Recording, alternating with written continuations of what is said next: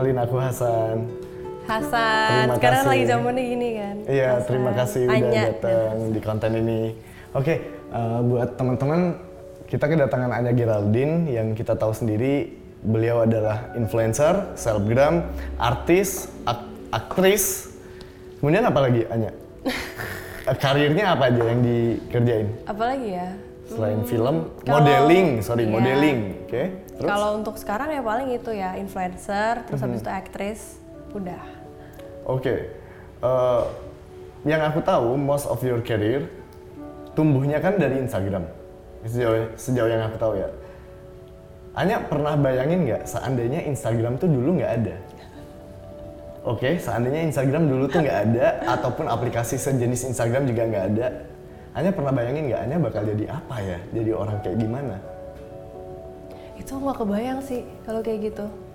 Paling aku jadi apa? Jadi PR. Aku kan kuliahnya jurusan PR kan. Oh, oke. Kalau nggak paling stay jadi model. Soalnya dulu emang sebelum main Instagram itu ya emang aku modeling. Emang modeling. Oke, kalau PR emang karena kuliahnya PR. Karena kuliahnya PR. Oh, oke. I see. Sebenarnya sih ngambil jurusan PR jadi cerita deh. Gak apa-apa nggak? Nggak apa-apa dong, nggak apa-apa. Sebenarnya tuh jadi eh, dulu tuh aku pengennya kuliahnya desain karena dari dulu sebenarnya aku suka kayak gambar, aku suka Desain hal-hal apa? Dress, estetik. interior? kayak di cafe gitu. Oke. Tadinya mau masuk di cafe Binus, tapi waktu itu lagi pacaran sama orang udah enam tahun, dia nggak ngebolehin aku kuliah jauh-jauh. Bolehnya Oke. kuliah di tempat dia kuliah. Oh gitu. Kuliahan di tempat dia kuliah itu nggak ada jurusan desain.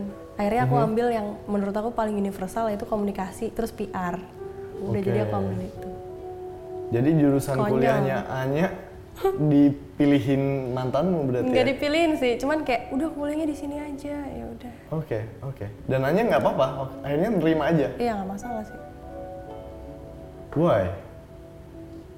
Karena apa ya? Mungkin karena emang biar biar lebih ya udahlah, maksudnya kayak ya udahlah mungkin bisalah nyoba di komunikasinya ini, mungkin bisa nyoba di PR-nya ini. Lagi pula juga kampus yang dia suruh aku kuliah di sana itu dekat sama rumahku dan rumahnya dia juga nggak jauh-jauh. Jadi ya udah deh situ Oke, aja. itu sorry, itu Anya, Anya belum jadi selebgram kan waktu itu? Belum. Aku waktu itu masuk kuliah tuh tahun 2013. Atau Iya, 2012 gitu. iya. Itu kan berarti Anya masih belum tahu nih mau ngapain ke depannya. Harusnya kan kuliah salah satu cara kita mengerucutkan tujuan kita. Iya betul. Dan nggak apa-apa Anya ikutin. Nggak apa-apa, soalnya Oke. dulu aku pikirnya itu eh, habis kuliah mau langsung nikah aja. Jadi kayak ya Hmm. udahlah. Dan dia itu waktu itu eh, mantan aku itu dia ada bisnis keluarga gitu. Jadi Oke. aku mikirnya kalaupun memang ntar kita lulus dari sini, pasti nanti mata pencahariannya ngelanjutin bisnis keluarganya Iya, dia. apalagi bisa jadi PR-nya gitu kan. Hmm, Oke. Atau kayak apalah gitu. I Jadi see. ibu rumah tangga atau apa tadinya I begitu. Oke. Habis itu berubah rencana ya setelah Anya akhirnya ke up di media sosial. putus sama dia dulu. Putus dia dulu, Habis oke. itu jadi aku putus sama dia itu konyol banget sih sebenarnya. Aku putus sama dia Mhm. karena aku pengen nyari uang tambahan kan. Nah, aku pengen modeling. Oke. Karena kan berhubung tinggi juga, teman-teman Mhm. banyak yang bilang, "Lo modeling deh, bla bla bla bla." Itu Oke. tuh ada lomba modeling di apa namanya dulu Gading Model Search. Terus habis itu ada juga tuh sekolah modeling Kimi Jayanti School. Cuma nama dia nggak boleh Kenapa? dia nggak suka kalau aku terlalu stand out di depan orang-orang kayak misalnya aku pakai celana pendek gitu nggak Oke. boleh terus kalau nggak misalnya pakai baju terlalu apa nggak boleh maksudnya kayak dia selalu menanamkan yang kayak biasa-biasa aja lah jadi perempuan Oke. gitu Dan itu hanya sempat ikutin ya. Eh Iya, sempat ikutin sampai akhirnya aku di titik yang kayak gue nggak bisa nih kayak gini terus ngikutin semuanya maunya dia sampai gue mau nyari rezeki aja buat tambahan gue jajan kok dilarang. Ya udah, akhirnya aku putusin dia terus aku jadi model gitu. Oke. Oke, tapi di sejauh yang aku tahu di Indonesia tuh banyak pola pacaran kayak gitu. Iya ya, toxic relationship kan iya. itu namanya. Iya. Banyak ngatur-ngatur. Awalnya sih nggak sampai ngatur. Awalnya biasanya privasi, privasi nggak dihargain. Jadi Iya. eh, mau konekin Instagram gitu. Aku mau login ke Instagrammu kayak gitu. Terus lama-lama mulai ngatur. Kamu temenan Pasti. jangan temenan sama ini, temenan sama itu. Itu ujung spektrumnya adalah KDRT. Oh gitu. Iya, kalau dilihat dari pola perilaku KDRT itu biasanya terjadinya ada ada step by stepnya. Dan kalau kita ikutin terus ujung-ujungnya ke sana. Secara umum ya secara umum kayak gitu. Makanya bagus kalau teman-teman yang nonton juga begitu tahu ada red flag ini ada bendera merah nih ini bakal jadi toxic nih. Iya. itu emang harus diambil tindakan. Nggak harus langsung pisah tapi at least diomongin bahwa ini nggak baik loh kayak gitu. Dan hanya bagus untungnya berontak. And setelah itu pacaran lagi sama orang yang berbeda Sama orang yang berbeda. selama Dua tahun. oke Jadi enam tahun itu sama dia yang mantan aku ini habis itu pacaran sama orang ada dua tahun. Oke. Baru jadi selebgram pas sama yang dua tahun ini itu. gitu. Kalau itu pola pola hubungannya gimana Kalau itu pola hubungannya jadi waktu itu karena aku baru putus dari si mantan aku ini yang bener-bener suka ngelarang apa segala macem. Mhm. Nah begitu aku jadian sama si cowok yang setelahnya ini dia orangnya lebih fleksibel, lebih membebaskan aku. Oke. Kayak gitu mungkin lebih mencoba untuk ngertiin juga Mhm. kayak aku maunya ngapain, maunya gimana. Tapi ujung-ujungnya jadinya kayaknya terlalu bebas. Soalnya waktu itu kan ada video yang ke Bali itu, nah itu pas sama dia, malah jadi nggak bisa ngontrol diri, saking kayak singa yang udah lama di kandang. Dikurung, iya. Begitu dia Iya. keluar, jadi kayak gitu, oke jadi tidak sesuai norma. Hmm, oke. Yang itu yang sampai kena dipanggil KPAI itu Iya, ya? Oke. Oke. Begitu kita boleh mulai pertanyaan-pertanyaannya Anya ya. Oke. Anya, di awal ini aku ngerasa ada yang ingin langsung aku tanyakan ke Anya. Anya tuh dilihat sama publik, sama follower-follower Anya, dianggapnya seksi, cantik banget, bodinya bagus. Anya emang ngelakuin itu in purpose karena urusan bisnis atau Anya risih sebenarnya kalau dilihat sebagai orang yang seksi. Eh, ya bisnis sih ya. Oke, it's a business. Mm-mm. Selain itu karena mungkin aku tahu kalau followers aku sukanya apa. Ibaratnya aku tahu followers aku suka ikan, aku kasih ikan. Oke, damn. You are a businesswoman. Kan gitu kan. Yes, yes. Tapi asal Oke. asal tidak me- melebihi, melebihi batas gitu. batas norma kayak waktu dulu lagi sampai ke panggil ke KPI itu kan udah melebihi. Nah, pokoknya Oke. asal aku lakuin masih standar-standar Oke, aja ya paham, udah paham. nggak apa-apa. Ini yang aku apresiasi dari kamu sih. Maksudnya ternyata kamu seorang pebisnis loh. Ngerti nggak sih maksudku? Iya kan? Kamu nggak ngelakuin ini cuman buat dipuji. Kamu tahu bahwa ini tujuannya untuk bisnis dan Instagram for for your career gitu. Banyak yang kayak gitu juga kan. Oke, tapi kamu seneng atau risih di di objectify sama follower? Kayak cuman dilihat secara fisik doang. Kalau dibilang seneng, kayaknya nggak yang seneng-seneng banget yang kayak ih gue dipuji, gue dibilang seksi, gila, seneng banget gue berhasil gue, nggak. Oke. Tapi kalau misalnya dibilang risih yang kayak aduh gue sakit hati kok cowok komennya kasar kok ini kok begini ya, kok Oke. ini itu juga enggak. Jadi kayak in the middle aja. Tapi pernah baca komen berarti komen kasar? Pernah. Kalau komen yang paling nyakitin, bener-bener nyakitin Anya tuh tentang apa komennya? Jarang sih. Aku kadang kalau misalnya baca kayak gitu ketawa aja loh. Tahu kan komen-komen kasar yang Iya. jorok gitu. Iya. Jadi aku ketawa karena Oke. lucu gitu. Oke, kalau bukan komen jorok, komen yang menurut Anya bener-bener nyakitin tuh komen apa? Apa ya? Nggak ada sih. Nggak ada. Oke. Oke, udah, udah, udah kelas kakap dia bisnisnya udah jago. Ngerti nggak sih maksudku? You are a businesswoman eh, who knows how to do it right, I think. Ya, habis respect, gimana? respect. Iya bagus. Keren banget. Oke. Di sosial media kalau orang udah famous banget, Instagram followernya banyak, itu pasti punya haters. Mhm. Nah, Anya punya haters nggak?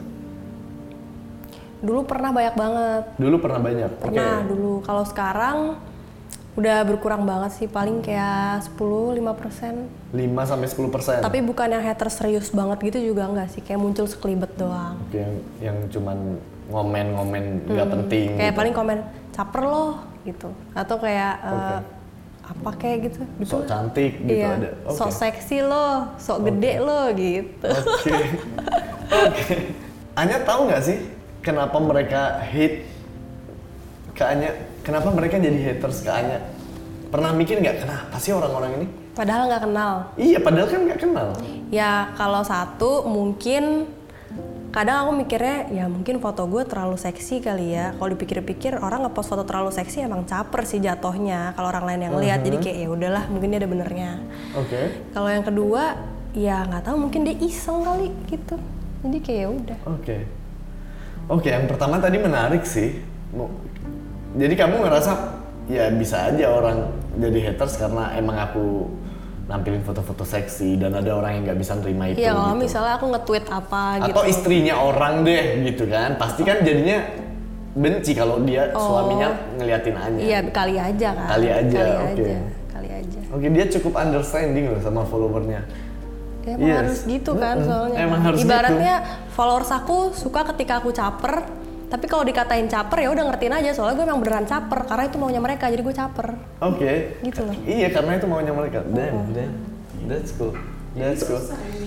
iya, That's jadi cool. mau ngikutin yang mana? Yang mayoritas sukanya pengen lo begini atau yang minoritas ngata-ngatain? Yang ngikutin Iya. yang mayoritas aja. Oke, hanya fokus ke yang yang positif aja, yang baik aja sama hanya. Yep. Yang mendukung mau gue ngapain kayak ngedukung tuh aku seneng tuh. Oke. Ngomong-ngomong soal haters ya, aku juga heran karena Bang Muslim sama Bang Coki di hate.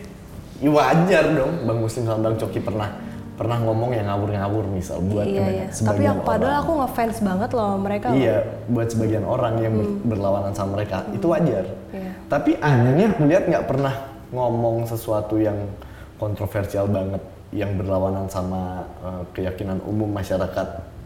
Terus Anya nggak pernah mengencourage drugs, oke?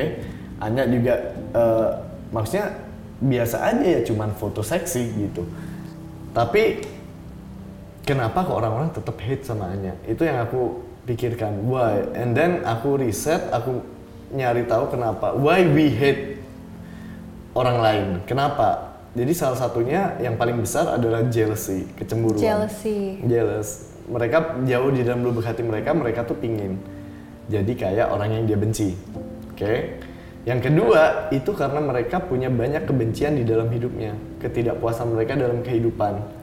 Dia pingin nggak terima ke hidup nggak bisa, akhirnya dia marah sama orang yang ada di atas. Sama kayak orang miskin yang benci ke orang kaya dan bilang, oh kamu anti kapitalis, kamu anti kapitalis. Seandainya mereka ditukar posisinya, mereka dengan senang hati mau jadi orang kayanya. Jadi kebencian mereka besar karena cemburu sama ya emang mereka penuh kebencian di dalam dirinya. So aku setuju banget sama Anya nggak usah diambil pusing tuh orang-orang. And it's good. Oke, Anya, hmm, menurut kebanyakan orang, Anya tuh dianggap perfect girl physically. Ini aku ngomongin fisik ya. Menurut cowok-cowok kebanyakan secara umum Anya tuh dianggap perfect. Terus waktu Anya bikin video apa waktu itu dulu tuh Anya pernah bilang aduh insecure nih bangun tidur eh, pipiku bengkak Yang di Twitter. gini." iya yang di Twitter itu as a joke atau Anya emang punya insecurity Eh, Sebenarnya Ter- kalau terkait fisik ya terkait fisik Sebenarnya kalau yang video di Twitter itu itu lagi kayak bercanda aja. Oke. Tapi kalau insecure itu pasti ada. Di dalam diri itu pasti ada. even in you Mm-mm. Kalau lagi serius, dipikirin ada insecure pasti iya ada. secara serius ada ada insecurity Ada dong. Masa nggak ada sih? Oke, mungkin buat orang yang nonton bilang ya nggak ada dong. Udah kayak Anya kok apa yang kurang? Emang apa yang kurang menurut Anya? Em, apa ya? Kalau dari yang tadi kita udah obrolin tuh apa ya? Hmm, secara fisik yang Anya ngerasa ada insecure-nya. Oh fisik. Fisik, fisik. Oke. Kalau fisik ya paling suka ngerasa hal-hal yang nggak penting lah. Biasanya namanya juga cewek kalau lagi gemukan dikit. Oke. Atau enggak kayak kalau lagi kurus ntar ngerasanya tepos. Kadang Oke. ngerasa kok muka gue gini, kok rambut gue gini. Itu kalau fisik. Oke. Tapi aku kalau yang lebih aku cemaskan bukan fisiknya mungkin ya. Kayak Oke. sifat gitu. Oke, wait. Mungkin. Berarti di fisik ada emang. Ada. Oke. Tapi nggak mau terlalu kayak dibawa pusing juga. Nggak yang Iya, seserius iya. itu sih kalau fisik. Tahu nggak kenapa? Kira-kira kenapa? Kayaknya tuh ya kalau aku mikirnya sebenarnya tuh semuanya nggak ada apa-apa sih. Mungkin sebenarnya ini semua nggak ada yang salah. Cuman emang udah kebiasaan suka nyari salah aja otak tuh kayak apa ya kayak jadi harus perfeksionis karena mungkin tahu kayak bukan dilihat banyak orang ya gue harus bagus terus nih I see. mungkin jadi kayak gitu I see. Anya pernah bandingin sama orang lain nggak? Hmm, Ngeliat artis lain atau selebgram lain, waduh cantik banget dia, waduh kurus banget. Pernah oh eh, diri aku sendiri Iya, bandingin Anya. nah kalau aku tuh kadang misalnya malam kalau nggak bisa tidur suka ngeliat Instagram gitu kan dieksplor banyak kan orang-orang Hmm. Oke. kadang tuh aku suka kayak ih cantik banget sih. Kok orang zaman sekarang cakep-cakep banget sih? Ih gue pengen deh secantik ini. Gue pengen deh ini hidupnya kayak ini kayak Oh, gitu-gitu. Ya? maksudnya kayak ada sisi itunya Oke. gitu. Kadang suka ngerasa dosa kayak ya Allah kok nggak bersyukur banget sih? Tapi ada gitu. Hal-hal kayak gitu tuh ada. Even buat Anya Geraldine yang yang buat kebanyakan orang udah dianggap cantik, tapi masih ada yang menurut Anya lebih cantik dari Anya berarti. ada. Oke, oke, oke. Kalau misal yang di YouTube sama Mas Arif Muhammad kemarin, aku kan nonton. Hmm, Anya sempat ngasih tips buat teman-teman kalau mau jadi influencer kayak gimana. Arif Muhammad tanya gitu kan, Iya. ya. ada tips nggak? Anya bilang, ya buat followermu sayang sama kamu, bukan cuma ngefans. betul betul Kenapa kok harus sayang? Karena kalau misalnya cuma ngefans doang karena ngelihat mukanya cantik Mhm. atau misalnya ngelihat karena apa? Karena fisik, semua itu kan fisik bisa berubah dan Yep. kadang juga hidup orang kan gak selalu seru. Kadang kita nge-follow orang misalnya ini orang nggak bisa digosip ini, gue follow ah seru nih hidupnya gitu. Oke. Atau nggak apa atau nggak apa. Nah, aku tuh pengen kayak followers aku tuh yang nempel terus sama aku gitu. Oke, supaya uh, misal dalam bisnis engagementnya tetap tinggi. Iya, karena Oke. selain itu juga enak aja gitu, kayak diperhatikan sama mereka apalagi kalau yang baik-baik ya. Kalau haters mah jauh-jauh aja deh. Oke. Gitu. Tapi emang kamu berarti secara personal feeling better ketika followersmu baik ke kamu. Iya dong. Heeh. Oh, kirain kayak yang udah nggak nggak akan mempengaruhi kamu. Sebenarnya kalau yang ngejelek-jelekin juga nggak begitu mempengaruhi sih. Cuma aku ngerasa kayak hari-hari aku tuh pasti lebih seneng, lebih kayak semangat, nafsu makan lebih tinggi kalau aku tahu followers aku baik nih. Misalnya kayak hari ini ada Oke. perkataan baik Iya. apa, ada Iya, itu kamu baca apa. berarti. Iya, Itu kamu baca, bacain? Baca. Komen DM. Komen aku kadang baca walaupun gak sampai bawah Mm-hmm. banget, tapi aku baca-bacain gitu. Oke, and you feel better kalau dapat uh, validasi atau semangat dari mereka. Iya. Oke. Seharusnya kalau kamu suka dapat hal-hal positif dari mereka, seharusnya ya konsekuensi logisnya kalau dapat yang negatif juga mempengaruhi. Kalau misal pas Anya uh, tiba-tiba dapat apa dapat isu apa tertentu gitu banyak hate comment itu harusnya Anya juga terpenuhi karena waktu positif Anya terpengaruh waktu negatif Anya juga harusnya terpengaruh pernah nggak Mungkin karena dari awal aku udah ke build dan lahir di Instagram nih sebagai sosok yang dibenci waktu itu.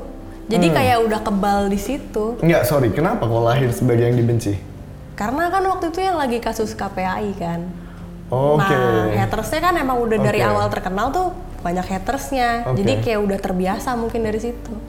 dari situ udah ngeblok ya hate Mm, comment tuh jadi kayak udah ya elah gitu. Oke.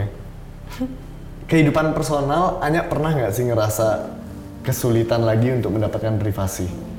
Hmm, kesulitan untuk mendapatkan privasi. Like anything you do, eyes are watching. Ya mungkin ya kalau misalnya, tapi aku nggak masalah sih sebenarnya. Kalau misalnya kayak misalnya lagi jalan, terus Hmm. tiba-tiba ketemu orang terus dari jauh digitu-gituin gitu, paparazi gitu Oke. atau apa? Iya, kayak gitu. maksudnya. Iya. Iya sih, ya mungkin kalau lagi cakep sih nggak masalah, kalau lagi jelek aku bete pasti. Oke, Gitu. oke menarik ya. Hmm, Baik, kalau misal Anya, kalau misal Anya nih ya jalan sama orang yang Anya nggak pingin orang orang lain membuat isu tertentu, Hmm, terus gimana tuh? susah dong, nggak bisa. Berarti Anya kemungkinan selingkuh kecil dong ya ini ya? Sangat mau selingkuh di mana? Oke. Kalau ini kan, kalau di tempat publik gitu kan, Iya, susah banget, mau susah. nonton. Boro-boro aku beneran ada selingkuh nih ya. Iya. Ibaratnya misalnya aku kan lagi main film keluar Hmm. kota, syuting lama. Udah gitu kita syuting di luar kota lama. Eh, misalnya dengan lawan mainnya A, B, C gitu. Misalnya tapi cowok. Iya. Nah, terus bosen kan kalau misalnya kayak syuting lagi free terus kayak diem doang di Nggak hotel. Pasti kan iya. kayak pengen ih pengen deh ke mall ini, ih pengen deh beli es krim di situ, ih pengen Oke. deh ini itu. Tapi gue kalau misalnya jalan sama ini, ini kan artis juga Iya, nih. betul. Terus pasti digosipin gitu. Jadi kayak wah kayak pergi harus rame-rame deh. Oh nggak bisa berdua deh atau apa gitu. Padahal kamu nggak ada Padahal niat nggak ada apa pun. apa-apa, emang cuma kayak teman aja, kayak kita misalnya lagi bosen terus kayak Hmm. makannya di warteg gitu. Tapi ntar kalau di warteg bisa digosipin gitu Ya, misalnya, Oke. Oke. gitu sih. Jadi part of your life sebenarnya ikut hilang ya Anya ya. Tapi nggak yang sehilang itu sih. Hmm, oke. Ngerasa worth it nggak dengan yang ditukar, dengan yang apa yang kamu dapat? Oh worth it kok. Worth it, oke. Worth Oke. it. Ya kalau dibilang kalau dibilang uh, worth it, worth it secara bisnis atau worth it secara yang lain? Secara bisnis dan yang lain kali ya. Oke, oke. Jadi hanya nggak keberatan ya, nggak punya, nggak bisa se-loss seharusnya. Hanya nih ping, aku sih yakin Anya tuh sebenarnya masih punya sisi funnya Anya, punya sisi uh, manusiawinya Anya yang Anya harus kontrol. Iya kan? Aku yakin Anya punya kayak gitu. Anya ngerasa worth it nggak untuk dikorbanin hal-hal itu? Worth it sih kayaknya. Ya, Oke, Heeh, Dengan semua muanya yang udah didapetin, kayaknya worth it. oke. Kalau titik terendah pernah punya nggak? Pernah sih kayaknya semua orang pasti pernah kan. Iya, kecuali Dustin ya. Serius Dustin gak punya? Punya, Oh, ya itu waktu Dustin aja punya. Dustin aja punya, apalagi orang lain. Oke, Hmm, kalau hanya titik terendah, ini hanya mau cerita nggak apa-apa, kalau nggak juga nggak apa-apa. Oke, kalau titik terendah hanya kapan? Em, mungkin waktu kecil pas SD kali sama pas dua tahun yang lalu atau tiga tahun yang lalu gitu. Oke, yang SD nanti dulu deh. Yang dua tahun tiga tahun lalu itu Hmm. sampai sehancur apa? Eh, sampai penurunan berat badannya signifikan banget. Oke. Habis itu sampai gangguan tidur. Oke. Terus sampai kayak banyak hal yang bikin kepikiran saking banyaknya jadinya kayak agak-agak depresif juga moodnya untuk setiap harinya. Sampai Oke. waktu itu ada temen yang ngasih tahu aku jadi kan aku kan ibaratnya kalau di sosial media tuh kalau lagi ngerasain apa pun kan nggak bisa kayak tiba-tiba curhat di instastory kayak hari ini gue sedih deh, hari ini gue kesel deh, nggak Iya, mungkin kan? betul. Karena Hmm. akan menularkan bad vibes sama followers aku dan aku nggak mau itu. Oke. Akhirnya biasanya aku up- upload close friends dulu. Oke. Misalnya ada apa aku cerita, ada apa cerita di close friends. Sampai temen aku tuh kayak ngebaca itu terus kayak Nya, kayaknya lo harus ke psikolog deh gitu. Hmm, Gue ada nih kenalan psikolog ini bla bla bla bla bla bla bla dikasihlah nomornya gitu. and then? Soalnya aku dari dari bukan hanya apa yang aku rasain tapi dari behavior, dari segi kesehatan apa segala macam juga ngaruh banget. Jadi kayak gitu deh pokoknya. Iya. Udah akhirnya aku hubungin si psikolognya ini, habis itu aku ketemu, terus eh, ada assessment segala macem kayak di data apa sih Didiagnosis nggak? Semacam itu ya. Oke, dan apa diagnosisnya? Aduh. Eh, aku sebenarnya kalau misalnya masalah-masalah kayak gini nggak pernah cerita di sosial media Oke. karena eh, aku kadang suka ngerasa apa ya malu gitu. Oke, nggak apa-apa nanti di-cut. Ya udah, tapi nggak apa-apa. Oh, oke, oke. kamu takut-takut gitu berarti ya it's real gitu loh Iya, iya, iya. iya.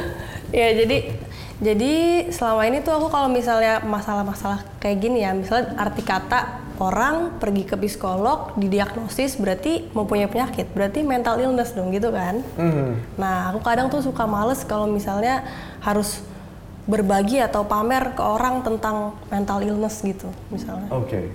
Tapi akhirnya dia itu mendiagnosis aku borderline, tau nggak? Oh, borderline personality Iya, disorder. borderline. Oke. Terus dia nawarin treatment nggak? Nawarin. Oke, pakai pengobatan medis? Enggak. Obat-obatan? Belum sampai tahap itu. Baru Oke. akan di kayak apa sih? Kayak yang terapi-terapi gitu, tapi belum belum nyampe ke dikasih obat gitu. Oke. Iya karena psikolog ya bukan psikiater ya. Oke, terus itu hanya lakuin terapinya. Akhirnya aku habis itu ketemu sama dia beberapa kali, tapi aku nggak ngambil paket terapinya dia yang Oh, bisa oke. sampai ada jaminannya gitu. Oke. Soalnya kalau yang sampai ada jaminan itu kayak berapa tahun gitu, kayak setahun atau tiga tahun. Oke. Tapi bayarnya berapa puluh juta, gitu. Iya iya iya. Akhirnya enggak ya, akhirnya berhenti. akhirnya enggak cuman eh, setelah itu ya jadi setelah ngobrol sama dia walaupun cuma beberapa kali gitu ya jadi ada awareness Iya. atas diri aku sendiri kayak oh ternyata gue gitu oh berarti harusnya gimana ya oh berarti gue harus ada di lingkungan yang seperti apa ya biar jadi Oke. lebih baik juga gitu udah deh Oke. Bis itu sama semi semi denial aja kayak enggak kok gue nggak enggak gue nggak kayak gitu kok enggak gue santai gue normal nih gue normal gitu aja Hmm. Oke. Gitu. And it works.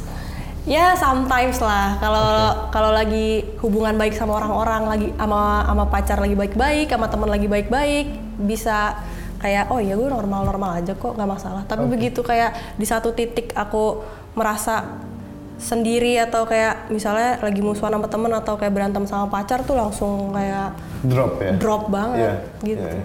Emang salah satu uh, simptomnya borderline itu ketakutan yang tinggi akan ditinggalkan Hmm. orang lain, terutama pasangan, takut diabaikan, takut dibuang.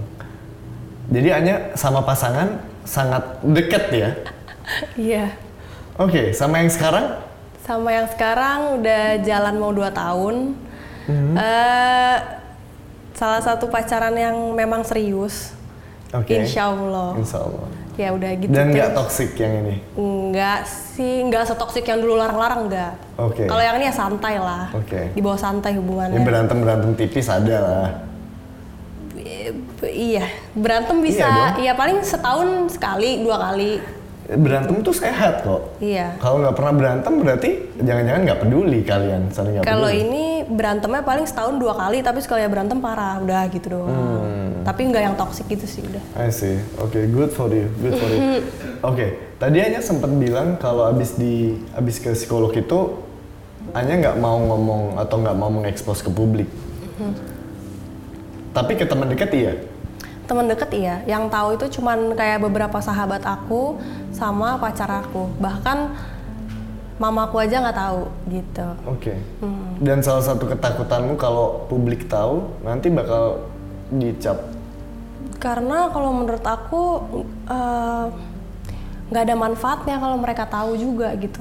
malah ngasih isu buat mereka gitu maksudmu. Mungkin bisa semacam itu atau takutnya malah jadi nanti apa ya pengaruh negatif yang misalnya sekarang kan banyak nih anak muda yang mengalami de- depresi, Depresi, banyak oke. anak muda yang mengalami depresi takutnya malah jadi ke trigger jangan-jangan gue juga sakit kayak dia lagi kalau nggak apa ngerti nggak sih Oh, oke. atau nggak kayak Oke. misalnya orang ngeliat terus kayak ih apa banget sih ngapain sih nge-share nge-share mental illness bla bla bla bla bla Oh, begah oke. deh Apa gitu ngerti nggak sih Dan itu ada ya orang yang nganggap misal ya, misal hanya membuka diri kayak gitu, hanya eh, tujuannya hanya raise awareness.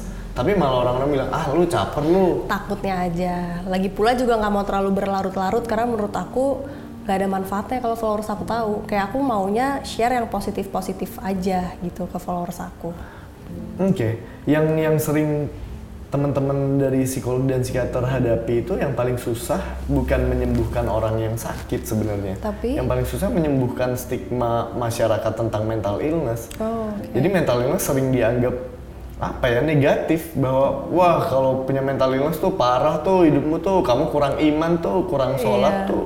iya iya. Kurang sholat maaf iya bener sering kan? gemes gitu iya. ya. jadi karena stigma itu akhirnya orang tuh yang punya masalah mental nggak berani buat ke psikolog ke psikiater nggak berani. Padahal itu benar-benar penyakit. Hmm. dan penyakit nggak semuanya karena faktor lingkungan faktor genetis pun ada. Nah kalau faktor genetis kamu nggak punya pilihan lain dong. Iya. selain berobat gitu iya iya Oke, thank you Anya for sharing. Nah, yang aku tahu juga dari borderline itu adalah ketakutan dalam mm, ditinggalkan Iya. orang yang penting buat kita. Kita ngerasa kayaknya aku aku udah nggak disayang lagi deh sama dia. Anya sering nggak sih tanya ke pasangan, kamu beneran sayang nggak ke aku? kok nanya gini sih Loh, kenapa? soalnya aku oh ternyata itu ada relate-nya ya Ada relate-nya. Ada Oh, relate-nya. jadi itu aku nggak tahu ya. Maksudnya ini aku ngomongnya sambil bawa bercanda aja. Iya, jadi oke. sering banget sama pacarku misalnya lagi kayak ngapain, kayak misalnya lagi makan atau lagi di mobil atau apa, tiba-tiba kayak, Ovi, kamu sayang sama aku nggak? Terus kayak, Oke. kenapa sih nanya mulu gitu?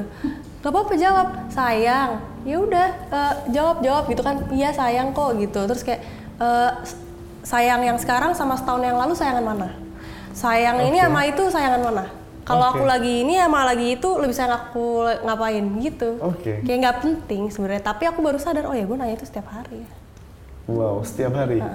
Oke. oh ada Ada hubungannya kan hanya takut takut sayangnya dia hilang dan kalau sayangnya dia hilang kemungkinan dia pergi kan semakin tinggi dan ketakutan Anya itu di kalau yang borderline tadi itu salah satu ketakutan orang-orang BPD ya ditinggalkan iya itu. iya. Cuma maksudnya aku kira tuh itu emang kayak bercanda aja tapi ternyata bercanda alam bawah sadar ya begitu ya. bertanda dalam bahasa sadar tepat sekali sih. Masuk akal. Iya iya iya. Oke berarti Anya eh, bisa dibilang clingy ya sama pacar? Parah. Kelingi nempel banget. terus. Selalu. Seminggu ketemu berapa kali? Setiap hari. Oke. Dan kamu nyaman dengan hal itu aku sangat nyaman dengan hal itu dan sangat membutuhkan hal itu kayaknya oke Soalnya kan aku tinggal sendiri kan sekarang Oke. di apartemen gitu tinggal sendiri. Eh, kadang tuh walaupun misalnya kerja selama-lamanya atau semalam-malamnya itu pasti harus ada waktu di mana aku ketemu sama kamu walaupun kita cuma makan doang sejam habis itu kamu pulang nggak apa-apa tapi aku mau lihat muka kamu hari ini gitu. oke itu perlu buat kamu Perlu sih. Oke. Eh, kalau hubungannya sama orang tua gimana ya? Kalau sama orang tua, jadi mama aku itu sekarang tinggalnya sama adik aku di rumahku yang lama. Nah kalau papa aku udah nikah, udah punya anak juga, udah berkeluarga lagi gitu. Oke, berarti divorce mereka. Ah, ah. Waktu Anya udah besar apa masih kecil? Eh, umur lima tahun. Oke, terus? Eh, ya udah, habis itu aku ikut mama aku, terus sama adik aku juga, terus habis itu papaku eh, ada keluarga baru lagi udah. Aku ikut mama aku deh sampai aku gede, sampai aku kuliah. Oke, komunikasi di keluarga yang deket sama siapa? Eh, mungkin lebih deketnya sama adek. Kalau mamaku tuh soalnya sibuk ya. Dia jadi kayak emang dari dulu karena dia single parent, Single jadi tuh kayak banyak banget yang dikerjain, jadi jarang di rumah.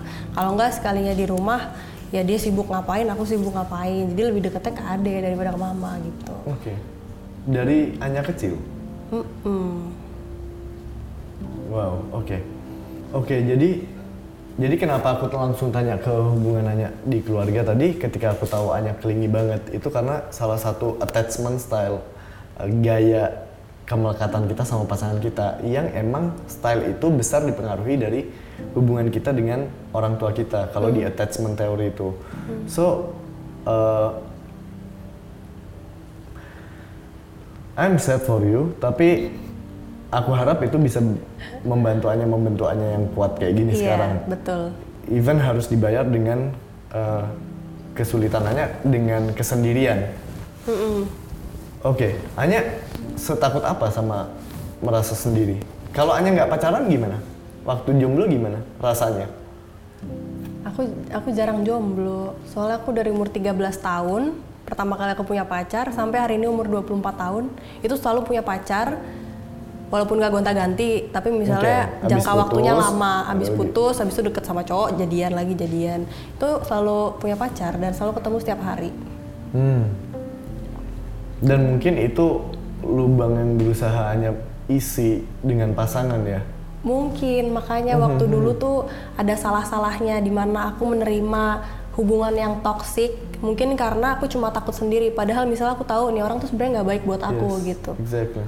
Kalau sekarang untungnya sama yang ini kayak ini orang yang sangat baik buat aku dan aku sayang dan akhirnya pacaran, akhirnya menemukan yang klop gitu. Oke. Dan dia juga ke kamu. Mm-mm. Do you expect to get married?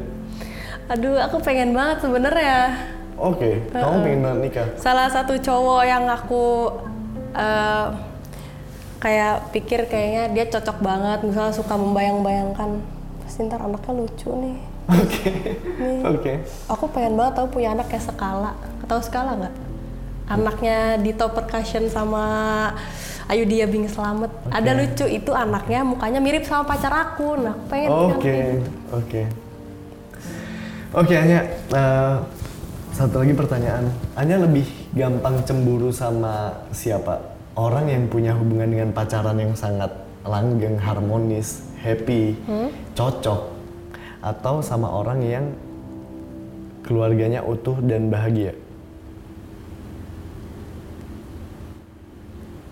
sama orang yang keluarganya utuh dan bahagia kayaknya soalnya aku selama ini juga misalnya kayak mm, mencari pacar itu visi misinya pengen cepet-cepet nikah dari dulu kan. Pengen kayak membentuk keluarga sendiri pengen cepet-cepet punya anak segala macem gitu. Jadi kayak kayak lebih sakit hati kalau melihat misalnya aku lagi ke mall tiba-tiba ada bapak ibu sama anak terus kayak lagi main-main lucu gitu itu aku kayak Iya, dan mereka kelihatan happy gitu. Iya aku kayak mm, misalnya anaknya SD gitu kan kayak SD terus kakaknya SMP terus aku ngeliatnya kayak gue kalau gue kalau ke mall sama temen gue lagi ke time zone doang gitu Oke.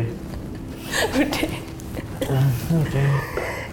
gitu Oke, Anya. Eh, Anya sama mama nggak dekat berarti setelah cerai itu. Kan Anya tinggal sama mama. Harusnya Anya dekat kan sama mama.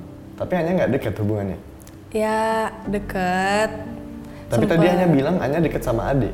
Is that mean nggak seberapa dekat ke mama? lebih deket ke adik kalau untuk heart to heartnya ya Oke. kalau misalnya ke mama tuh mungkin ya physically deket karena serumah tapi waktu kecil SD itu deket-deket banget terus sempet adalah kejadian yang aku nggak bisa nyeritain gitu maksudnya ada Oke. suatu masalah antara mamaku dan aku Oke. yang nggak bisa aku ceritain Eh, that's okay. sehingga karena itu jadinya renggang aja agak renggang gitu Dan sampai kapan? Agak sampai akhirnya aku keluar dari rumah waktu kuliah. Jadi waktu waktu kuliah tuh aku akhirnya memutuskan untuk tinggal sendiri. Mhm. Tapi ternyata begitu aku udah pisah rumah, malah jadi lebih damai aku dan mamaku dibanding kalau setiap hari Ketemu selalu ketemu di terus, rumah. oke. Karena kalau di rumah tuh bisa kayak antar ada aja dipermasalahin kalau nggak berantem apa tapi begitu aku tinggal sendiri misalnya ketemu seminggu sekali tapi quality time jadi ngobrol Oke. jadi lebih menghargai waktu gitu Oke, jadi kamu bisa dibilang eh, kasih sayang dari orang tua kurang Hmm, from both of them. ya kalau sama papa aku sih ketemunya kan setahun kayak sekali gitu kan, kadang. Kalau mamaku ya, hmm, maksudnya kasih sayang seperti apa sih biasanya? Kalau sama ibu, maksudnya pelus, peluk gitu. Iya dong.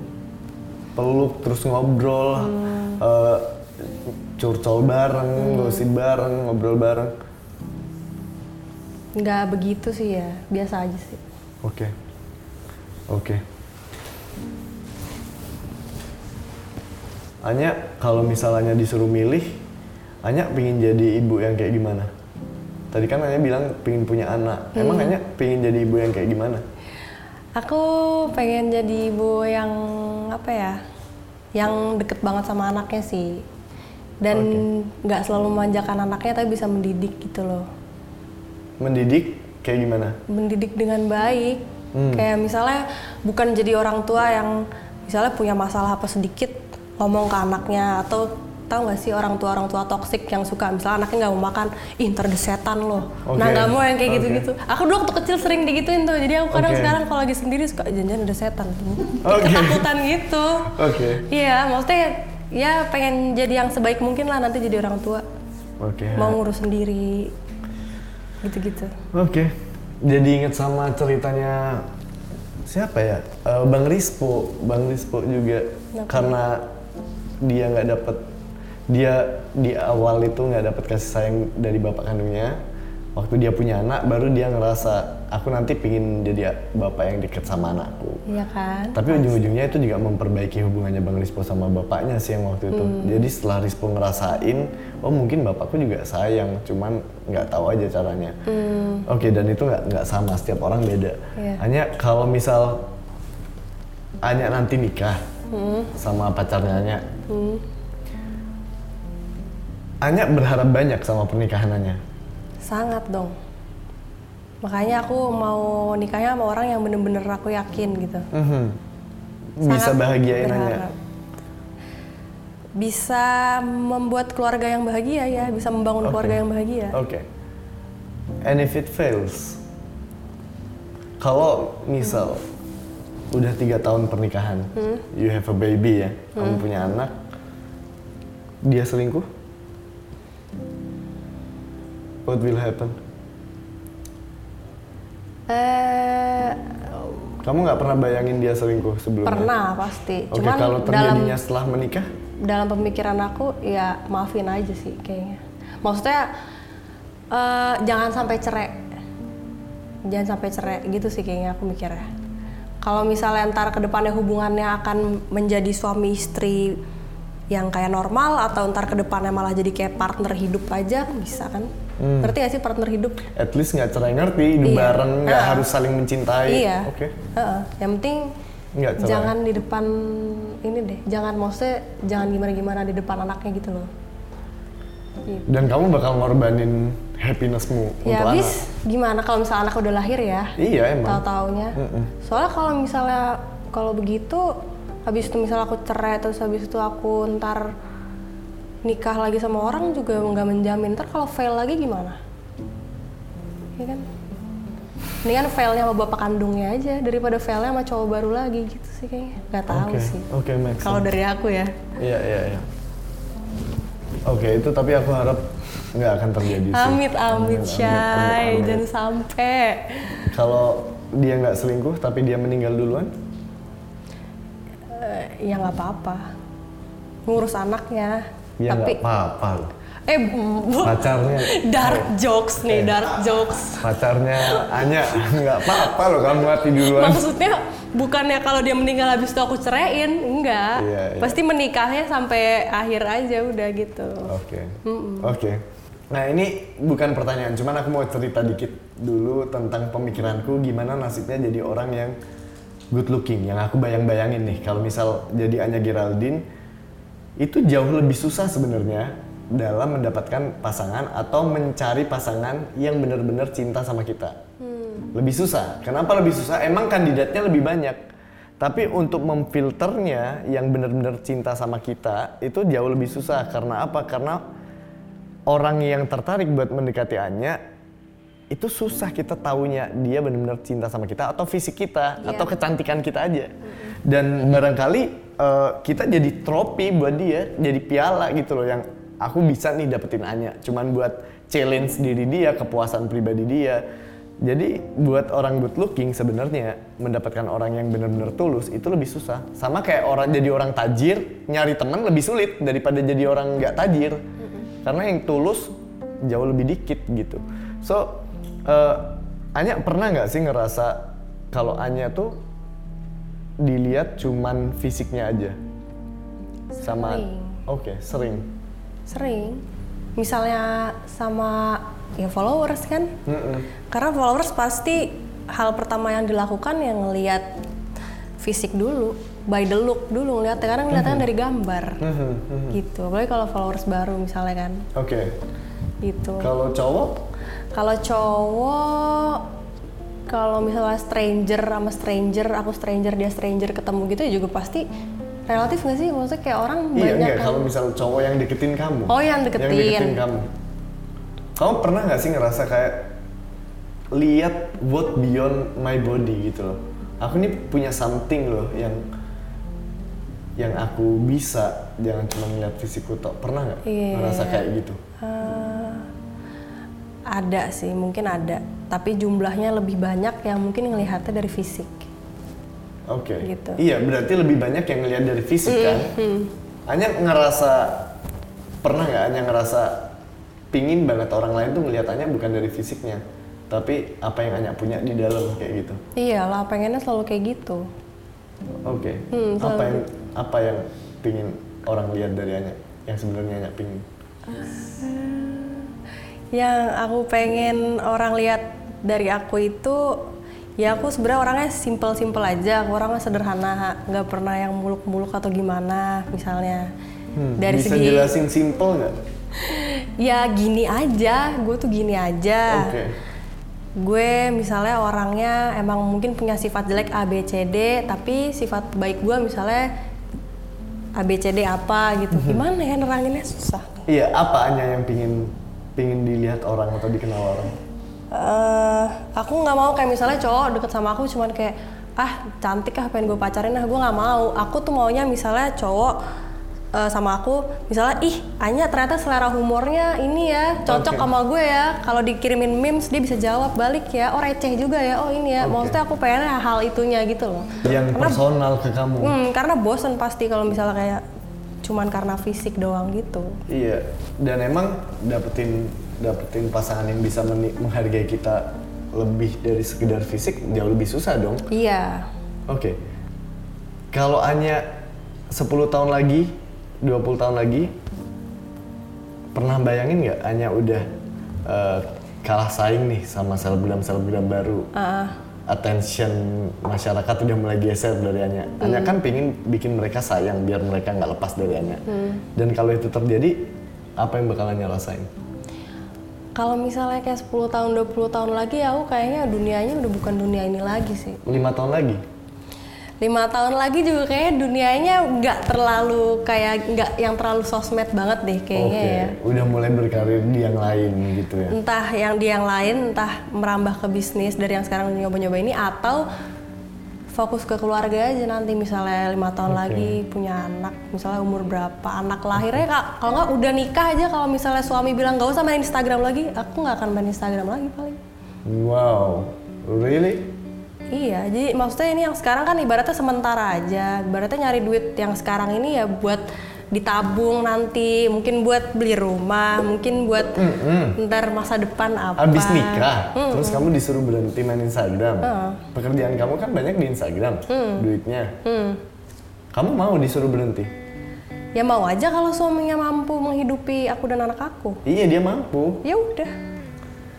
Kalau diselingkuhin gimana bos? Kamu nggak bisa hidup sendiri nanti. Iya sih benar juga. Aku mungkin habis itu minta duit buat bukain usaha kali Makanya ya. aku nggak pernah setuju orang yang Bener dilarang juga. kerja. Iya Karena sih. itu asumsi yang lahir dari cowok, cowoknya pasti setia atau at least cowoknya hidup lebih lama. Iya sih ya. Soalnya ada temenku yang orang tuanya masih 30 tahunan, Hmm. emang produktif banget, tapi bapaknya kecelakaan meninggal, Oh. ibunya nggak bisa ngapa-ngapain. Hmm. Waktu udah ditinggal mati, hancur sekeluarga. Nah iya sih serem juga ya kayak Makanya gitu. aku pro cewek kerja. Apa pun resikonya mau dilarang suami nggak bisa Hmm. dong. Suami nggak berhak buat melarang. Itu aku aja sih. Oke, tapi menarik Anya. Thank you for sharing. Berarti nanti buat calon suami aku jangan larang aku main Instagram. Dan buat calon suami semua orang sih. Iya, bener. boleh melarang istrinya kerja. Iya kerja apa pun itu. Pertanyaan terakhir. Dengan semua masa depan yang Anya inginkan, harapan-harapan kebahagiaan anak Anya di masa depan, dan semua masa lalu yang Anya udah punya, hubungan Anya dengan keluarga, overall sekarang ini, are you okay? I think I'm okay. Okay.